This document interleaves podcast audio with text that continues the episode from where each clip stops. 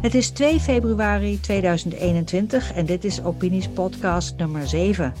Dit keer spreken we met twee mensen die zich in een Blue Team hebben verenigd om tegengas te bieden aan het OMT en de coronamaatregelen. Jan Gaaientaan en Hans van Tellingen. Jan is opiniesauteur en heeft een achtergrond in Human Resource Management. En Hans is geograaf en onderzoekt regelmatig consumentengedrag in onder andere winkels. Welkom heren. Ja. Welkom Jorien. Ja, ja Jorien, heel fijn. Ja, welkom Jan en welkom Hans. Uh, ik zei net, jullie vormen een uh, Blue Team als tegengast tegen het OMT. Jullie zeggen, we kunnen gewoon weer terug naar normaal in een paar stappen. Maar uh, het OMT en Rutte zeggen voortdurend, het is nog steeds veel te gevaarlijk. Hoe zit dat? Nou ja, ik, ik, ik denk dat uh, Jan en, uh, en ik het redelijk eens zijn over de meeste zaken, maar dat Jan misschien iets voorzichtiger is dan ik. Want ik ben van mening dat we in een paar weken eigenlijk gewoon weer terug kunnen gaan naar normaal. Waarbij je misschien alleen heel voorzichtig moet zijn met grote evenementen met meer dan 100 mensen. Want um, ja, er is steeds meer onderzoek bekend en daaruit komt in feite dat mensen die zeg maar, symptomen vertonen, die besmettelijk zijn, dus eigenlijk is de enige echt nuttige maatregel uh, gewoon thuisblijven als je symptomen hebt. En als je uh, je gezond voelt, dan kun je gewoon naar buiten en dan kun je ook gewoon andere mensen uh, ontmoeten. Oké, dus als Rutte zegt het virus is nog te gevaarlijk, dan is dat eigenlijk niet zo? Nou ja, voor 98% van de mensen is dat virus niet gevaarlijk. Mm -hmm. Pak een beetje 95% van de mensen wordt of niet ziek, of een beetje ziek, of wel degelijk ziek, maar verder niet zorgwekkend. Uh, -hmm. 3% van de mensen uh, krijgt er uh, wel behoorlijk veel last van en het kan behoorlijk lang duren, maar ze herstellen wel. En 2%, of eigenlijk 1,5% te precies te zijn, komt uiteindelijk in het ziekenhuis terecht. Waarvan de meeste mensen, met hulp natuurlijk van, van het ziekenhuis, wel herstellen. Maar het sterfste percentage wereldwijd, de IFR, is 0,23%. Dat zegt de WHO zelf. Mm-hmm. En in Nederland is het zo, uh, als je de cijfers van het RIVM bekijkt, dan kom je ongeveer uit op een sterftepercentage van 0,3 tot 0,4 procent. Ja, en ja. dat is heel erg vervelend en dat is twee of drie keer zo erg als een zware griepvirus. Maar ik zie geen reden om uh, de maatschappij volledig op slot te zetten hiervoor. Nee, dus het, het virus is veel minder gevaarlijk dan we aanvankelijk dachten. En uh, waarom, Jan, ben jij dan voorzichtiger? Waar zit hem dat in? Nou, inderdaad. Kijk, Hans en ik zitten, zeg maar, behoren tot dezelfde stroming, om het zo te zeggen. Wij dus ja. tegen in ieder geval doorgeslagen lockdowns en, en allerlei andere disproportionele maatregelen zijn. Mm-hmm. Het verschil, of die voorzichtigheid aan mijn kant, uh, ja, om even één voorbeeld te noemen. Wat Hans net zei, dat alleen zieke mensen echt besmettelijk zijn dat zal in grote lijnen wel kloppen, maar ik denk in de realiteit heb je natuurlijk weer allemaal grensgevallen. Dat bijvoorbeeld mensen die dan uh, alleen maar lichte ziekteverschijnselen hebben, die bijvoorbeeld alleen een beetje verkouden zijn, maar die dan al wel corona hebben, maar dan de lichte variant. Ja, die zijn dan misschien al net vijf keer verkouden geweest. En die denken, nou, ik ben nu voor de zesde keer verkouden. Dus ik ga gewoon naar de winkel of ik ga gewoon naar mijn werk. Dus ja, ik denk dat dat. Uh, dan weer net iets te makkelijk uh, geredeneerd is om te zeggen: van, als we dat alleen doen, dan, uh, dan stop je het al. Dus ja, maar jij vindt de maatregelen wel uh, disproportioneel, begrijp ik? Ja, zeker. En um, wat denk ik ook belangrijk was in het manifest, wat Hans en ik in oktober gepubliceerd hebben, het, mm -hmm. het Blue Team Manifest, ja. is dat we daar tien of op een gegeven moment zelfs elf concrete punten hadden genoemd, eigenlijk specifieke maatregelen die de overheid zou moeten nemen in onze ogen. Waardoor je dus die generieke, vrijheidsbelemmerende maatregelen, ja, in ieder geval uh, zoveel mogelijk kunt vermijden of in, een, in een lichtere vorm. Een aantal hele belangrijke punten die erin stonden was op de eerste plaats ventileer binnenruimte en let op de luchtvochtigheid. Mm-hmm. Ja. Eigenlijk ook uh, het verhaal van Maurice de Hond. En dat is allemaal niet zo moeilijk. Kijk, uh, ventilatie is natuurlijk uh, niet zo makkelijk om dat ineens aan te passen in verpleeghuizen en scholen. Maar luchtvochtigheid, ja, dan kun je gewoon uh, hè, voor een paar tientjes kun je in iedere ruimte een, een hogere luchtvochtigheid bewerkstelligen. Mm-hmm. Dat was één. Een andere, heel belangrijke was bescherm beter die ouderen, dus die, die de belangrijkste risicogroep. Ook door inderdaad op ventilatie te letten in de verpleeghuizen, maar bijvoorbeeld ook door, door bij bezoek medische mondkapjes te verplichten. Derde, die ik toch echt ook wil noemen. Waarom wil je dat verplichten, Jan? Nou, je moet wel wat doen. Kijk, je, je kunt niet zeggen tegelijkertijd, uh, we gooien alles open of we, gooien, of we laten het grotendeels open. En, maar maar uh, we, we, we, staan toe dat er in die verpleeghuizen vervolgens een slachting wordt aangericht. Hè, wat ook in Zweden wel het probleem is geweest in het begin uh, van de eerste golf. Dus ik denk, als je dat doet, dan moet je wel op deelgebieden wat strenger zijn. Een derde punt wat erin stond, en wat ook een beetje mijn stokpaardje is de afgelopen maanden, ook in mijn stukken op uh, opinies en ook op Twitter, is early treatment. Uh, nou, er zijn allerlei protocollen voor en de landen die dat doen, die hebben daar ook gewoon goede resultaten mee. Dus dat betekent zeker bij de kwetsbare groepen snel na de eerste symptomen behandelen met antivirale middelen. Binnen de eerste vijf dagen moet je dat inzetten. En ja, er zijn een aantal middelen genoemd ook, hè? Ja, hydroxychloroquine in, in combinatie met andere middelen overigens. En nu uh, zijn er ook hele positieve geluiden over ivermectine, misschien nog wel gunstiger. En er zijn ook andere uh, middelen. En ik heb steeds gezegd, dat maakt me ook niet uit als je maar antivirale middelen gebruikt en dat vroeg doet. In plaats van, te, hè, wat dus eigenlijk in Nederland is gebeurd, maar ook in Engeland en in Parijs en omgeving daar was de leidraad van, nou mensen uh, en ook ouderen, blijf de eerste twee weken thuis zitten. Mm-hmm. Neem paracetamol. Als je na twee weken niet meer kunt ademen en je, en, en, je, en je valt rillend je bed uit, ja, dan neem je misschien wel op in het ziekenhuis. En volgens is het dus, zitten die mensen in een cytokinestorm en ja, dan is er eigenlijk in heel veel gevallen geen redden meer aan. Ja.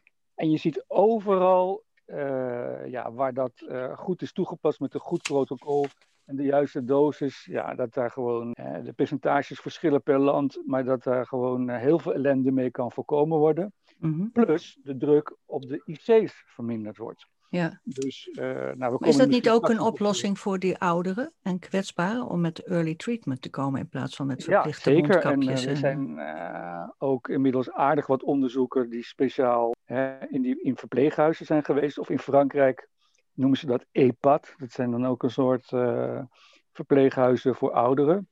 Maar ook blijkt dat inderdaad daarmee uh, ja, 50 tot 60 procent reductie van uh, sterfte bereikt kan worden. En ook minder mensen naar de IC gaan. Voor zover die ouderen nog naar de IC mogen, overigens. Ja, ja. want ja. daar wordt natuurlijk ook een soort triage toegepast. Ja. Twee, die ik nog, ook nog even kort wil noemen, is dat we hebben gepleit, met name Hans ook, voor het snel verhogen van de ziekenhuiscapaciteit. Bijvoorbeeld met zo'n hospitaalschip, maar ook met andere manieren. Of het Ahoy ervoor inrichten. Het laatste wat we ook hebben gezegd is um, daar waar nuttig sneltesten gebruiken.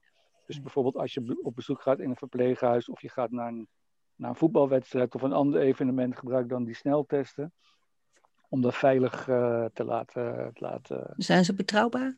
Nou, daar is wel het een en ander op, uh, op aan te merken. Maar in ieder geval, nu noemde ik even vijf punten en dat ja. waren er tien of elf, maar anders wordt het echt te lang, denk ik. Ja, klopt. Al is het wel belangrijk dus dat wij niet hebben gezegd van uh, toen in oktober van nou, gooi de boel maar over, open.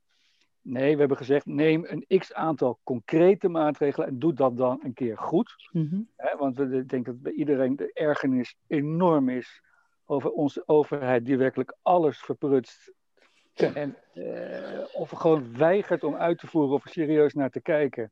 Zoals ventilatie en early treatment. Mm -hmm. Hetgeen ze dan wel de hele tijd zelf ja, toegejuicht hebben, namelijk die vaccins. Dat is dan ook weer een verschrikkelijke puinhoop. Dus het is belangrijk dat we hebben gezegd van we kunnen snel open en van die lockdown af of dat uh, vermijden, mits je dus wel een aantal maatregelen neemt. Ik denk dat Jan en ik het op één punt niet helemaal eens zijn. En dat is dat ik ben niet voor een mondkapjesplicht. Dat gaat mij als uh, klassiek liberaal gewoon te ver. Het is wel zo dat gewone mondkapjes eigenlijk geen enkel effect hebben. Dat medische mondkapjes wel enig effect hebben. Mm. En dan zou ik inderdaad zeggen, als jij je moeder of je grootvader of een oudere persoon in een verzorgingshuis bezoekt, dan wordt het een, is het een aanbeveling om zo'n mondkapje wel te dragen, maar dan een medisch mondkapje. En die moet de overheid gewoon verstrekken. Want ja, eigenlijk is het virus alleen maar heel erg gevaarlijk voor oudere en zwakkere mensen. Mm Ja, dan moet je dus ook heel voorzichtig met die mensen omgaan. En voor de rest zeg ik van uh, thuisblijven als je ziek bent, dat is een echt nuttige maatregel. En alle andere zaken die helpen, dus die vroegtijdige medicatie en vaccin kan ook helpen. Daar zijn, uh, daar zijn Jan en ik helemaal niet op tegen. Maar mhm. het is en, en, en, en, en. En de enige beperkende maatregel is gewoon thuisblijven als je uh, ziek bent. Rutte heeft een heleboel heeft gezegd, het, het virus is gevaarlijk. Jullie zeggen van, nou, dat, dat moet je in zijn perspectief zien. Uh Maar er zijn heel veel maatregelen. En steeds meer eigenlijk. De laatste weken is het eigenlijk maximaal. Wat, wat is het effect daarvan? Um, nou ja, het, het, het, het, zijn wat mij betreft uh, geen nuttige maatregelen. Want epidemiologen uh, bij Nieuwsuur die zeggen bijvoorbeeld dat de winkelsluitingen, daar heb je dus een schadelijk effect, dat de winkelsluiting eigenlijk meer een symbolische actie is. Hetzelfde geldt ook voor de horeca. Ja. besmettingscijfers of positieve testen uh, als gevolg van winkelbezoek of horecabezoek, die zijn in de afgelopen maanden, toen het nog open was, heel erg gering. Dus daar zit het probleem eigenlijk niet in. Maar de overheid treft wel allerlei generieke maatregelen, dus winkels dicht, horeca dicht, geen evenementen meer. Een avondklok uh, zelfs, en daar krijg ik echt de bibbers van, van die avondklok, uh, die eigenlijk niet meer dan een symbolisch effect hebben. En tegelijkertijd is het zo dat winkels failliet gaan, uh, horeca gaat uh, failliet. Uh, 70% van de modeondernemers in de winkelstraten, die houdt het geen twee maanden meer uit. Er is laatst een, onlangs een onderzoek door de brancheorganisatie in retail uitgevoerd. Ja, en dat is gigantisch. En wij zitten dus binnenkort, als we niet snel open mogen met die winkels, met kade winkelstraten, met, met spooksteden, met dorpscentra die leeg zijn, dat moeten we eigenlijk gewoon niet, niet winnen. Maar de mensen die, die uh, onder andere gepeild worden door de NOS bijvoorbeeld, die komen met peiling en zegt, nou de meerderheid van Nederland wil nog best even in lockdown blijven, want de mensen van de winkels die krijgen toch vergoeding. Met mijn bedrijf uh, uh, Strabo ben ik aardig bedreven in om vragen zo weinig suggestief mogelijk, dus zo neutraal mogelijk te stellen. Mhm. ik zeg niet dat die onderzoeken van INO en één vandaag, zeker INO, dat is een prima onderzoeksbureau, dat die verkeerd zijn geweest. Maar de manier waarop je een vraag stelt, kan al behoorlijk uh, het mogelijke antwoord beïnvloeden.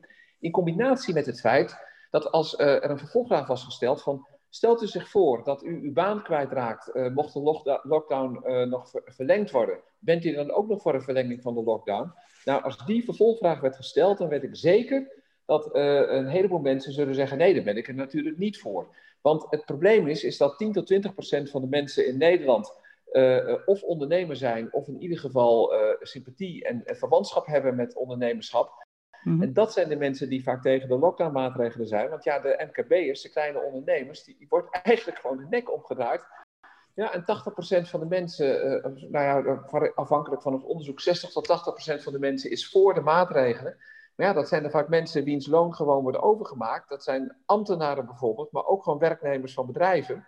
Want ja, hun loon wordt wel betaald, want de overheid betaalt in feite een gedeelte van het loon van de medewerkers. Terwijl de ondernemers, dus de werkgevers van die medewerkers, die worden eigenlijk niet ondersteund. Die krijgen helemaal niks. Nou, mhm. zelf ben ik ook ondernemer. Je hoeft geen medelijden met me te hebben. We redden het voorlopig nog wel. Maar ja, ik heb natuurlijk wel vijf maanden geen loon gehad. En dan ken ik ondernemers die al tien of elf maanden geen loon hebben gehad. En dat is op een gegeven moment gewoon onhoudbaar. Dat is niet, niet uit te houden. En als het dan weer gaat over die opiniepeilingen, van ja, als je de vraag iets anders stelt of je stelt een vervolgvraag, dan denk ik dat de meerderheid van de mensen het gewoon zat is, die, uh, die lockdown. Die, die, mensen die dan wel gezegd hebben van nou die lockdown moet blijven, want het virus is nog heel gevaarlijk. Wat zouden jullie tegen die mensen willen zeggen? Nou ja, het allerbelangrijkste argument is, en daar zijn we eigenlijk ook mee begonnen, is dat het virus um, een relatief beperkt sterftepercentage uh, telt van 0,23 procent. En in Nederland tussen de 0,3 en 0,4. Ja, het is zwaarder dan een gemiddelde griep. Ja, het is zelfs zwaarder dan een zware griep. Uh, maar dat is het dan wel. Dus ja, dat virus is er. Het is, uh, je moet je daar zorgen over maken. Alleen, je moet niet de hele maatschappij op slot zetten, want dat heeft helemaal geen zin. Want dan maak je veel meer stuk dan dat er eventueel aan levens wordt gered maar moeten we dan niet gewoon even wachten op het uh, vaccin, zeggen mensen dan? Nou ja, uh, met of zonder vaccin, dat virus uh, verdwijnt op een gegeven moment wel. En niet zozeer dat het helemaal verdwijnt, want er zal altijd nog wel een beetje sluimeren. Maar na twee of drie grote golven, dan, dan, dan hebben de meeste virussen het wel gehad, om het zo maar uit te drukken. Dan heb je een vorm van groepsimmuniteit. Want ja, Jan heeft ook onderzocht, ik heb dat samen met Jan onderzocht, maar Jan kwam als eerste met de bronnen. Zo van ja, 50% ehm, van de mensen is door middel van T-cellen al een, zekere, in zekere mate beschermd. Mhm. Eh, de andere 50% kan het virus wel krijgen. Nou, als 20 of 30% van die mensen het virus heeft gehad, ja, dan zit je op 70 of 80% van de mensen dat in feite al immuun is voor het virus. Dan ben je er eigenlijk al. Ja, nou, ehm, wat betreft die groepsimmuniteit, moet ik wel eerlijk toegeven dat wij daar misschien in oktober iets optimistischer over waren dan uh, nu, in ieder geval wat mij betreft.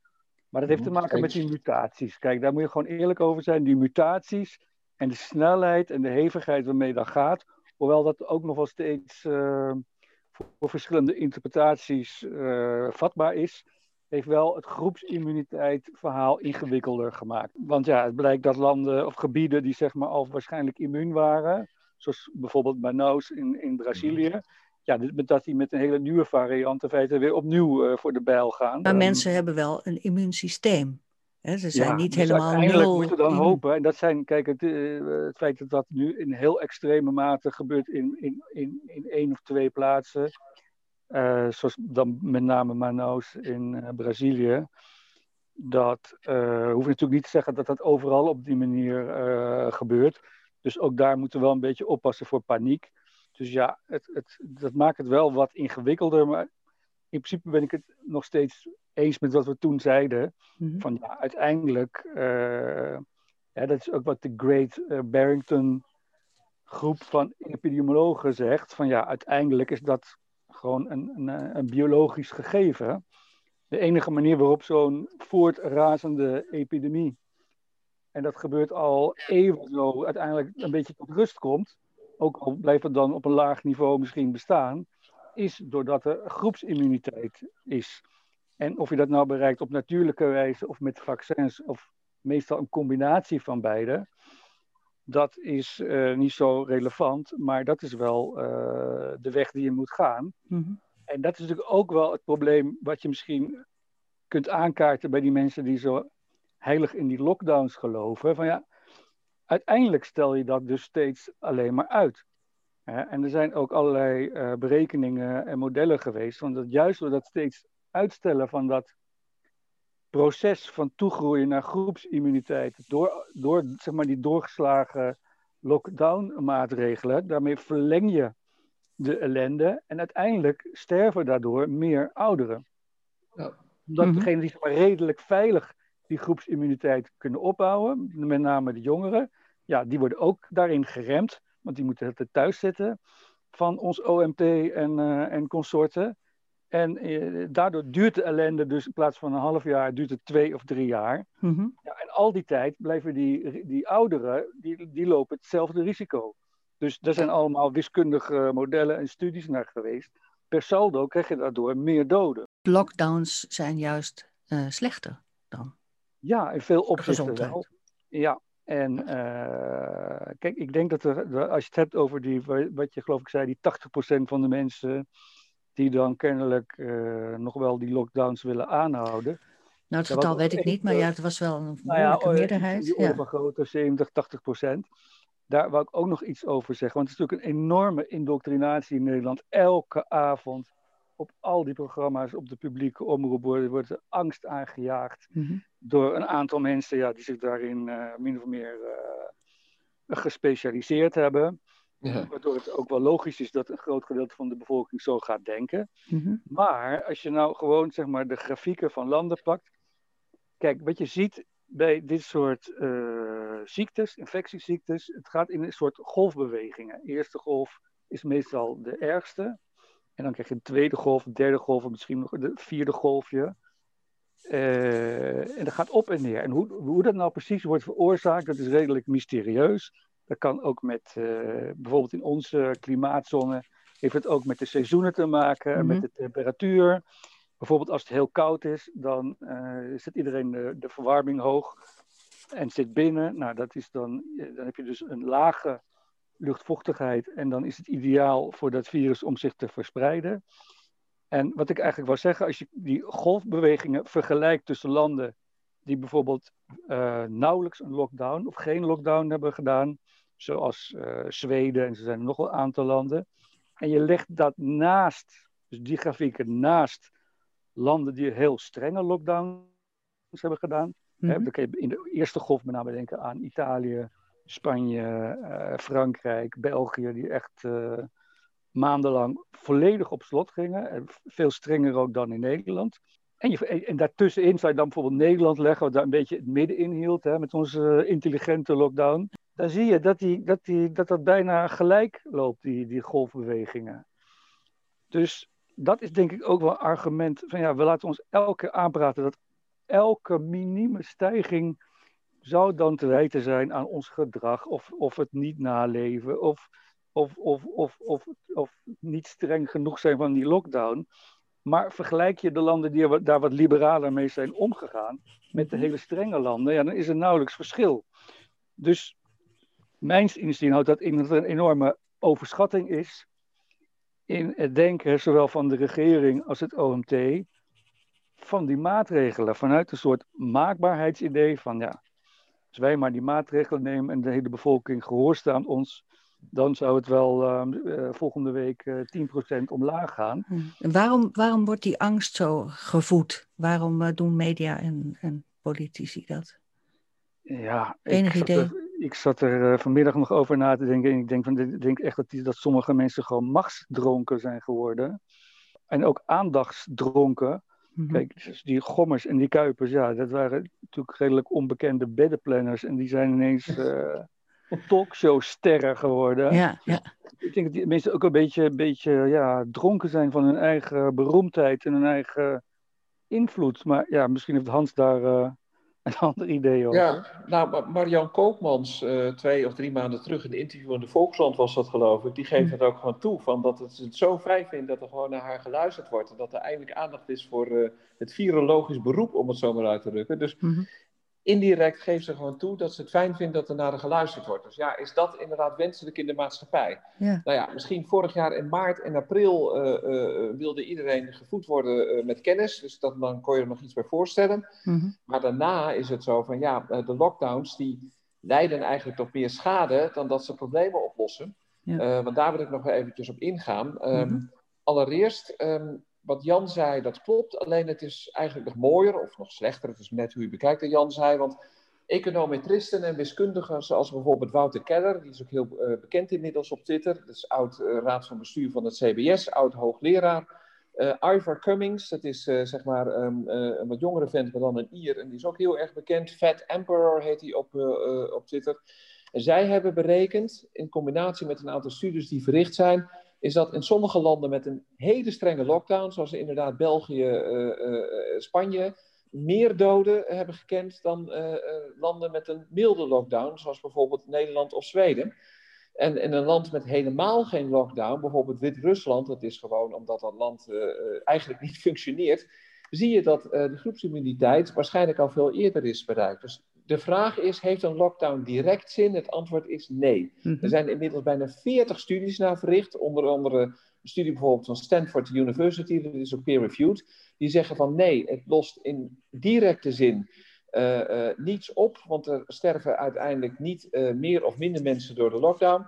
En in indirecte zin, dat is ook becijferd, kan het soms zijn, afhankelijk van de studie, dat 4 tot 8 tot soms zelfs 20 keer zoveel doden als gevolg van de lockdown resulteren. Dus dat de hele maatschappij op zijn gat ligt. Dus ja, een lockdown werkt niet. Er mhm. zijn volgens mij, ik heb het echt onderzoek naar gedaan, geen studies die aantonen dat een lockdown wel werkt. Dus ja, waar zijn we in hemelsnaam mee, uh, mee bezig? Ja. Dus stop de lockdown. Uh, stel dat we met al die maatregelen die jullie voorstellen morgen weer open zouden gaan.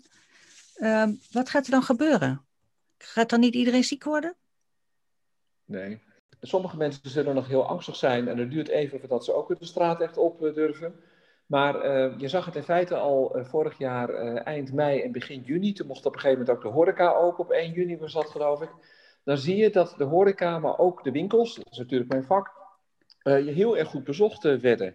De mhm. omzet in zowel ehm, horeca-ondernemingen, zelfs met die anderhalve meter als, als randvoorwaarden, en ook de omzet in winkels, die was zelfs hoger dan de, de, jaren daarvoor in die vergelijkbare maanden. Met andere woorden, heeft een soort herstel plaatsgevonden. Dus zodra mensen weer mogen, gaan ze ook gewoon de straat op, gaan ze consumeren, gaan ze de winkel bezoeken, gaan ze de horeca bezoeken. Omdat mensen gewoon mensen zijn. Er zijn heus wel winkelhaters onder ons te vinden. Maar de meeste mensen vinden winkelen eenmaal leuk. De meeste mensen vinden winkelen en de horecabezoeken leuk omdat ze andere mensen ontmoeten. Mhm. En je zag zelfs in de zomer dat er toch behoorlijk weer wat reisjes werden uh, geboekt. Dus zodra de maatregelen worden opgeheven, grotendeels. En ik hoop het liefst in korte tijd uh, bijna alles. Of alles gewoon. De mondkapjes ook? zien dat het herstel gigantisch zal zijn. Ook zonder mondkapjes? Ook zonder mondkapjes. Ik vind het on, uh, ondingen, om het zo maar uit te drukken. Mhm. Ja. Ik heb er wel één, maar dat is met de vlag van Noord-Korea. Dat is mijn stille protest. Maar dat is dan toch een beetje mijn opstandige aard. Ik hou van de regels, maar dan toch een beetje onder protest. Zo moet je mij uh, inschatten. Ja, kijk, wat betreft die mondkapjes, daar zijn wij het inderdaad niet helemaal over eens. Dat is ook mhm. prima. Dat, daarom is het goed uh, dat we erover kunnen praten. maar ik ben ook geen echte fan van die mondkapjes. Uh, bijvoorbeeld om kinderen op een lagere school de hele dag met mondkapjes te mhm. laten lopen. Ja, dat vind ik echt uh, het, het, laatste wat je zou moeten doen. En geeft ook echt uh, schade, fysiek. bovendien ga je eigenlijk het hele immuunsysteem van die kinderen ondermijnen. Mm plus qua ademen, noem maar op. Dus ik ben geen mondkapjesfan. Het enige is wat ik steeds heb gezegd. Kijk, in korte, specifieke situaties waarin mensen bij elkaar zijn die uh, elkaar bijvoorbeeld niet kennen, zoals in een winkel of in het OV dan, ja, dan denk ik wel dat dat zin heeft. Zeker op het moment dat dat besmettingsniveau hoog is. Dus in de zomer zou ik dat sowieso niet doen, maar nu wel. En hetzelfde, het voorbeeld dat we net noemden met bezoeken van ouderen in verpleeghuizen door, uh, ja, door kinderen of kleinkinderen. En, maar dan heb je het over medische mondkapjes. Ja, in dat geval dan de medische. Alleen het punt is, ja, dat, enige dwang denk ik toch dat je dat niet kan, kan, kan vermijden. Dus dan ben ik misschien niet de ultieme libertair. Nou, jullie zijn het gewoon niet eens dat, uh, over dat ja, maar, over, over 95% zijn we het wel eens. ja, ja, kijk, het punt is natuurlijk ook, als je zegt van ik, dat is facultatief, dat moeten de mensen doen die daarin geloven. Kijk, het nut van een mondkapje, daar zal Hans denk ik ook wel mee eens zijn, is meer dat het uh, uh, iets tegenhoudt dan dat het iets stopt. Dat, dat is wel duidelijk bewezen. Dus het gaat er juist om dat die ene persoon, tussen die 50 die in een treinstel zitten of in een winkel lopen, die ene persoon die, die besmet is, dat die het ook heeft, zodat die dan niet dat kan uitademen richting die andere.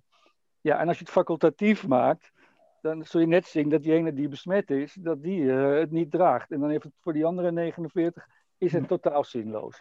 Dus, dus dat is gewoon, dan neemt op mij even, zeg maar, bij mij even de ratio, de, de overhand op de liberale principes. En dan zeg ik, nou oké, als het dan situaties zijn waar de gemiddelde mens een kwartier, twintig minuten per dag misschien mee te maken heeft, dan kan ik in, maar, bij het hoge niveau van besmettingen wel leven met een plicht. In het begin hebben we het gehad over winkelsluiting is een symbolische maatregel. Avondklok is een symbolische maatregel. Dat kun je natuurlijk ook van mondkapjes zeggen. Dat hebben ze zelf ook toegegeven. Hè? De mensen van de regering gezegd, nou dit is vooral voor gedragsverandering bedoeld. Symbolische maatregelen, zijn, die, zijn die in het algemeen, hè? zijn die zinvol? Nee, dat nee, vind ik helemaal is... niet. En ik was ook, uh, om het duidelijk het verschil te maken, ik geloof dus wel dat die mondkapjes in die situaties die ik specifiek benoemde wel nut hebben. Mhm. En uh, om een heel goed voorbeeld, ook gerelateerd aan mondkapjes van een symbolische maatregel. De plicht in Rotterdam en Amsterdam van de zomer notabene straat mondkapjes te gaan, uh, te gaan dragen. Nou, dat heb ik me ook dat is symbolisch. Dus dat soort onzin, hou er alsjeblieft mee op, zeg ik nu tegen de regering. Ik word bijna weer boos. Maar uh, neem ons niet als een stel kleuters. Ga gewoon met op een volwassen manier met mensen om en leg dingen uit met de juiste argumenten. En dan, nogmaals, kan ik wel uh, echt leven met een beetje plicht hier en daar. Mm-hmm. Maar het moet wel nut hebben natuurlijk, anders dan moet je het ook niet doen. Zegt dat geldt die, natuurlijk ook voor de avondklok. Dat was ook een symbolische maatregel. Ja, ja. en daar, dat daar was voor het eerst dat ik dacht van als ik een ommetje wil maken, ga ik een ommetje maken. Want als ik een ommetje maak in mijn eentje, kan ik echt niemand het virus geven hoor. Dus dat, dat, dat, dat, dat was echt een hele slechte maatregel. Ja. Nee, dat zijn onzinmaatregelen. In Frankrijk zie je ook, er zijn nu al studies geweest van virologen, dat het, uh, nou is daar wel, die avondklok gaat wat vroeger in. Hè. Er gaat al om uh, zes uur in, maar dat het juist leidt tot meer besmettingen. Want wat gebeurt er? Al die mensen rennen als een gek om vijf uur naar de winkel en staan dan in een hele drukke winkel. Terwijl dus normaal uh, zeg maar die, die winkel redelijk leeg is. Ja. Dus ja, en, hetzelfde geldt voor, voor, voor metrohaltes en noem maar op allemaal. Dus mensen dan alleen maar elkaar extra te besmetten mhm. door dit soort ondoordachte, ja, door, door een soort van uh, Sovjet-Unie-achtige bureaucraten ja. bedachte onzinmaatregelen. Dus daar moeten we inderdaad mee stoppen. Ja. Zeg, jullie hebben heel goed uitgedacht van hoe je dat zou kunnen doen, hè, op een veilige manier weer opengaan als uh, samenleving. En uh, de, de virologen en de beddenplanners hebben gezegd, wat is het toch heerlijk dat er naar ons wordt geluisterd. Wordt er ook naar jullie geluisterd? Steeds meer. Ik merk zeker deze week dat het uh, aan het omslaan uh, is. Um, gisteren bijvoorbeeld Barbara Baarsma van de stichting Herstel. die, de stichting Herstel, daar zit ook die Robin Fransman bij. Ja, het lijkt wel alsof zij bijna ons Blue manifest hebben gekopieerd. Maar in ieder geval, het wordt gehoord en steeds meer mensen zijn het eigenlijk gewoon een beetje zat. En ik denk eigenlijk dat die avondklok, dat de regering dacht van ja, we gaan het nog verder aanscherpen, maar dat die avondklok als een soort boemerang was teruggekeerd. Een heleboel mensen zijn door de wakker geworden van um, uh, dit, dit gaat te ver, we moeten gewoon weer zo snel mogelijk terug naar normaal. We geven allemaal om onze ouderen, we geven allemaal om onze moeder, vader of grote, grootouders. Maar uh, laten we die beschermen en laten we de gezonde mensen gewoon weer uh, laten deelnemen aan de maatschappij. Dus het mhm. is aan het omslaan. Uh, er wordt wel degelijk al sinds het begin naar ons geluisterd. Nou, sommige mensen zeggen meteen dat wij een wappie zijn. Dat zijn we dus nou juist helemaal niet. Het is een rationeel verhaal wat wij hebben. En dat mhm. wordt zo steeds met rationele mensen ook gewoon gedeeld. Dus ik ben wat dat betreft daar heel optimistisch over. Je hebt twee soorten fanatici in het hele debat. Dat zijn de lockdown-fanatici. Uh, en je hebt ook mensen die uh, echt alles, alles, alles, alles vrij willen uh, houden en zelfs denken dat het virus niet bestaat. Nou, Jan en ik zitten daar tussenin, mm -hmm. met wel iets meer de neiging van we willen zo snel mogelijk terug naar vrijheid, maar niet als een kip zonder kop, om het zo maar uit te drukken. Nee, precies. Er is over nagedacht, zeggen we dan. Hè? Ja. ja. denk je dat het ook gaat gebeuren of heeft Rutte zichzelf een beetje in de hoek gepraat? Kan hij er niet meer uit? Ja, eh, kijk, we weten natuurlijk al in grote lijnen wat Rutte uh, duidelijk gaat zeggen op die persconferentie. Hè. Tot 2 maart wordt in feite de strikte lockdown gehandhaafd. Met uitzondering dat je dan spulletjes kan halen in de winkel en de, de lagere scholen gaan open. En de avondklok, dat wordt geloof ik eind deze week nog eens bekeken. Dus dat klinkt niet echt als, uh, als het, uh, het heropenen van de samenleving. Nee, het lijkt er toch op. En dat Rutte is natuurlijk toch een calculerende politicus. Dat het eigenlijk de bedoeling is dat het tot begin maart nog heel streng blijft. En dan uh, zo rond 10 maart, zeg maar, een week voor de verkiezingen. Heel toevallig, dan krijgen we weer wat meer vrijheid. En uh, wat, dan hebben we in, uh, wordt ineens het verhaal van ja, we hebben toch goed geluisterd en de maatregelen braaf opgevolgd. En nu is er, kunnen we beloond worden. Dus ja, ik, uh, wat dat betreft ben ik niet zo optimistisch. Ten meer ook dat ze dus nu ook weer zeggen van ja, dat alles blijft afhankelijk van het aantal besmettingen. Nou, we hebben het net gehad over die golfbewegingjes, hè, die gewoon echt erbij horen. Daar ontkom je niet aan. Het kan best zijn, volgende week is het bijvoorbeeld weer een stuk kouder waarschijnlijk. Uh, Plus, je hebt dan toch die Engelse mutant, hoewel ik dat, denk dat het overdreven is, zal het ook wel enige impact hebben. Het kan best zijn dat als we nu bijvoorbeeld uh, drie, drie, drie tot 3.500 besmettingen per dag hebben, ja, dan misschien zijn dat er over tien dagen weer 5000. Maar dat verhaal is toch niet relevant als je kijkt naar wat jullie voor adviezen geven? Nee, Niet, niet voor ons, want wij, wij gaan er rationeel mee om. Maar bij, bij, bij, dit OMT zul je dus zo zien dat ze dan gelijk weer gaan, uh, ja, de bevolking en, en, en, de, en de bedrijven en de ondernemers en de jeugd zijn allemaal een soort yo-yo in de handen van een paar OMT-leden. Ja. Of is dus het politiek ingegeven voor, uh, voor de verkiezingen dan? Nee, ja, nou ja maar ze, ze, zullen ongetwijfeld een week voor die verkiezingen ineens uh, toezeggingen doen en meer vrijheid geven. Dat is gewoon. Uh... Ja. Gommers ook, denk je? Gommers? Nou ja, die wordt dan overroeld natuurlijk. Dat, die, die, zal wel een beetje tegensputteren maar vervolgens zul je zien, dat, en dan wint Rutte glansrijk de verkiezingen. Dat kan mm gebeuren, ja. mede dankzij die indoctrinatie. Ja. En dan zul je Staatsman, zien dat ja. En aan eind maart gooit hij de boel weer dicht, want, de, want het stijgt weer een beetje. Ja. En zo blijf je maar eigenlijk doormodderen met iets wat gewoon uh, veel sneller mm. achter ons zou kunnen zijn. Hans, ben jij wat optimistischer? Nou ja, het cynisme van Jan deed ik wel. En dat, dat zagen we hmm. natuurlijk al ruime tijd van tevoren aankomen. Dat uh, twee weken voordat de verkiezingen zijn, dat dan de boel wordt opengegooid. En daar gaat het nu inderdaad wel naartoe. Hmm. Mogen duidelijk zijn dat Jan en ik helemaal wars zijn van complotdenken. Dat doen we niet aan. Maar het is wel zo dat dat virus politiek ingezet wordt. Wij geloven ook niet in allerlei Great Reset-theorieën dat van tevoren dat virus is ingebracht in de maatschappij, op de wereldbol. En dat aan de hand van dat virus de, de, de wereldheerschappij op een andere manier wordt ingericht. Daar geloven wij niet in. Mhm. Het is wel zo, met dat Build Back Better en ook met die Great Reset en weet ik allemaal meer, dat mensen het nu wel een soort van willen gebruiken om dat te proberen. Alleen zeg ik van jongens, die Great Reset, het is gewoon volstrekte onzin. Ik zit in het consumentengedrag. Ik weet gewoon dat mensen gewoon het leuk vinden om spulletjes voor zichzelf eh, te kopen. Dus als de, de, de World Economic Forum zegt van over een aantal jaren dan bezit niemand meer iets. Dat is gewoon volstrekte waanzin, want dat gebeurt niet. Mensen willen gewoon hun eigen spulletjes hebben. Dus ik ben er helemaal niet bang voor. Maar dat er politieke spelletjes gespeeld worden, ja, dat wel. Ja. Helaas. Nou, ja, dat klopt. En uh, ik ben het ook wel eens overigens met Hans dat het, dat het wel begint te kantelen. En zeker dat die avondklok gewoon een stap te ver is geweest. En dat nu echt wel uh, toch heel veel mensen dat zat zijn, dit soort symbolische maatregelen. Mhm. Dus laten we hopen toch dat daardoor ja, wat meer uh, kritiek komt, ook vanuit de publieke opinie, om, uh, om gewoon te stoppen met die, met die disproportionele onzinmaatregelen. Ehm, maar ja, er zal wel echt iets moeten veranderen in de manier van aanpak. En uh, ja, wat we eigenlijk al net zeiden, de, die specifieke maatregelen moeten meer genomen worden. Mhm.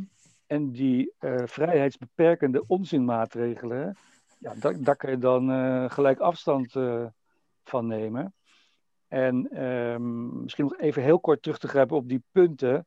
Kijk, ik begrijp ook dat dat, dat had eigenlijk in september of oktober moeten gebeuren. Zoals bijvoorbeeld ziekenhuiscapaciteit opschalen. Ja ook dat je dat niet nu in een week kunt doen. Maar um, bijvoorbeeld die, die, die vochtigheids uh, ja, in, in, in verpleeghuizen en op scholen. Ja, dat kun je echt in een week doen. En uh, hetzelfde is early treatment. Uh, zeker omdat Nederland nu zo achterloopt met het vaccineren. Denk ik dat toestaan van early treatment behandeling door artsen die mm erachter staan. Dat is eigenlijk de ideale transitie naar het vaccineren toe. Dus in Nederland zal het waarschijnlijk drie tot vier maanden of misschien nog wel langer duren voordat, zeg maar via vaccinatie, dat groepsimmuniteit effect uh, wordt bereikt of versterkt. Nou, dan is zo'n early treatment protocol is de ideale manier om daar naartoe te gaan met zo, zo min mogelijk verlies van levens. Uh, want je kunt daar gewoon, ja, volgens mij als je dat goed doet, meer dan 50% van de levens van redden, plus je IC wordt uh, ontlast. Ja, dat is gewoon heel goed nieuws eigenlijk. Dat doen. Mm En nogmaals, stoppen met die, met die vrijheidsbeperkingen, de gezondheidsdictatuur. Maar daarvoor is niet, niet genoeg dat Hans en ik dat roepen. Dus daarvoor hebben we echt. Wel belangrijk. De, ja, wel zeer belangrijk natuurlijk. Maar daar moet meer, meer gebeuren, ook in de publieke opinie. Meer mensen moeten dit geluid gaan steunen. Wat zouden jullie weer tegen de horeca en de winkeliers en de kappers en zo willen zeggen? Ze moeten het nog minimaal een maand uithouden. Ja, dat is echt heel erg lastig. Ik zou zeggen, uh, uh, ga met een aantal eh, winkeliers op tafel zitten en ga in gesprek met de overheid zo van, goh, wij gaan met z'n allen tegelijkertijd open. Wat vind je daarvan? Mm en ja, als je met z'n allen tegelijkertijd open gaat, dan is die druk vanuit de maatschappij niet meer tegen te houden. Zet, uh, zet de regering gewoon voor het blok door te zeggen van uh, we gaan als groep, we gaan als uh, georganiseerde horeca- en winkelondernemers in één plaats of op meerdere plaatsen gewoon tegelijkertijd open en we houden ons verder aan de maatregelen. En kijken wat er gebeurt. Daar zou ja. ik eigenlijk best wel naar benieuwd naar zijn. Er zijn allemaal plannen, maar in hoeverre zijn ze wild? Ze zijn er gewild. ik zou zeggen, doe het meer georganiseerd en doe het wel in overleg. Maar zet de, het kabinet wel voor het blok. Zo van jongens, het, is, het kan niet meer, we moeten gewoon open. Hm. En geef ons in ieder geval die steun. Dus, dus, dus hoe zou ik het zeggen? Uh, versterk je onderhandelingspositie. Ja, nog steeds binnen de lijntjes, maar wel hm. met meer druk erachter. Oké, nou dat is heel goed advies, denk ik. Het is misschien ook het moment om dit gesprek uh, af te ronden. Ik sluit me graag aan bij de woorden van uh, Hans. Kijk, het midden- en kleinbedrijf, de ondernemers, dat, dat is de kurk eh, waar deze ah. samenleving op drijft. Precies. Dus uh, die moeten echt nu uh, de helpende hand geboden worden door, door uh, meer zaken te openen. ik vind dat Jan Gajentaan uh, minister van Volksgezondheid moet worden in een volgend kabinet. Ja. Ik kan zeggen, en overigens ben ik van mening. ja. Oké, die houden we erin. Zeg, hartelijk bedankt voor dit gesprek. Dankjewel Jorien. Dankjewel Jan. Dit was de podcast van Opiniescom. Opinies met een Z. Voor de nieuwste bijdragen en columns over politiek en maatschappij in binnen- en buitenland. Het is helemaal gratis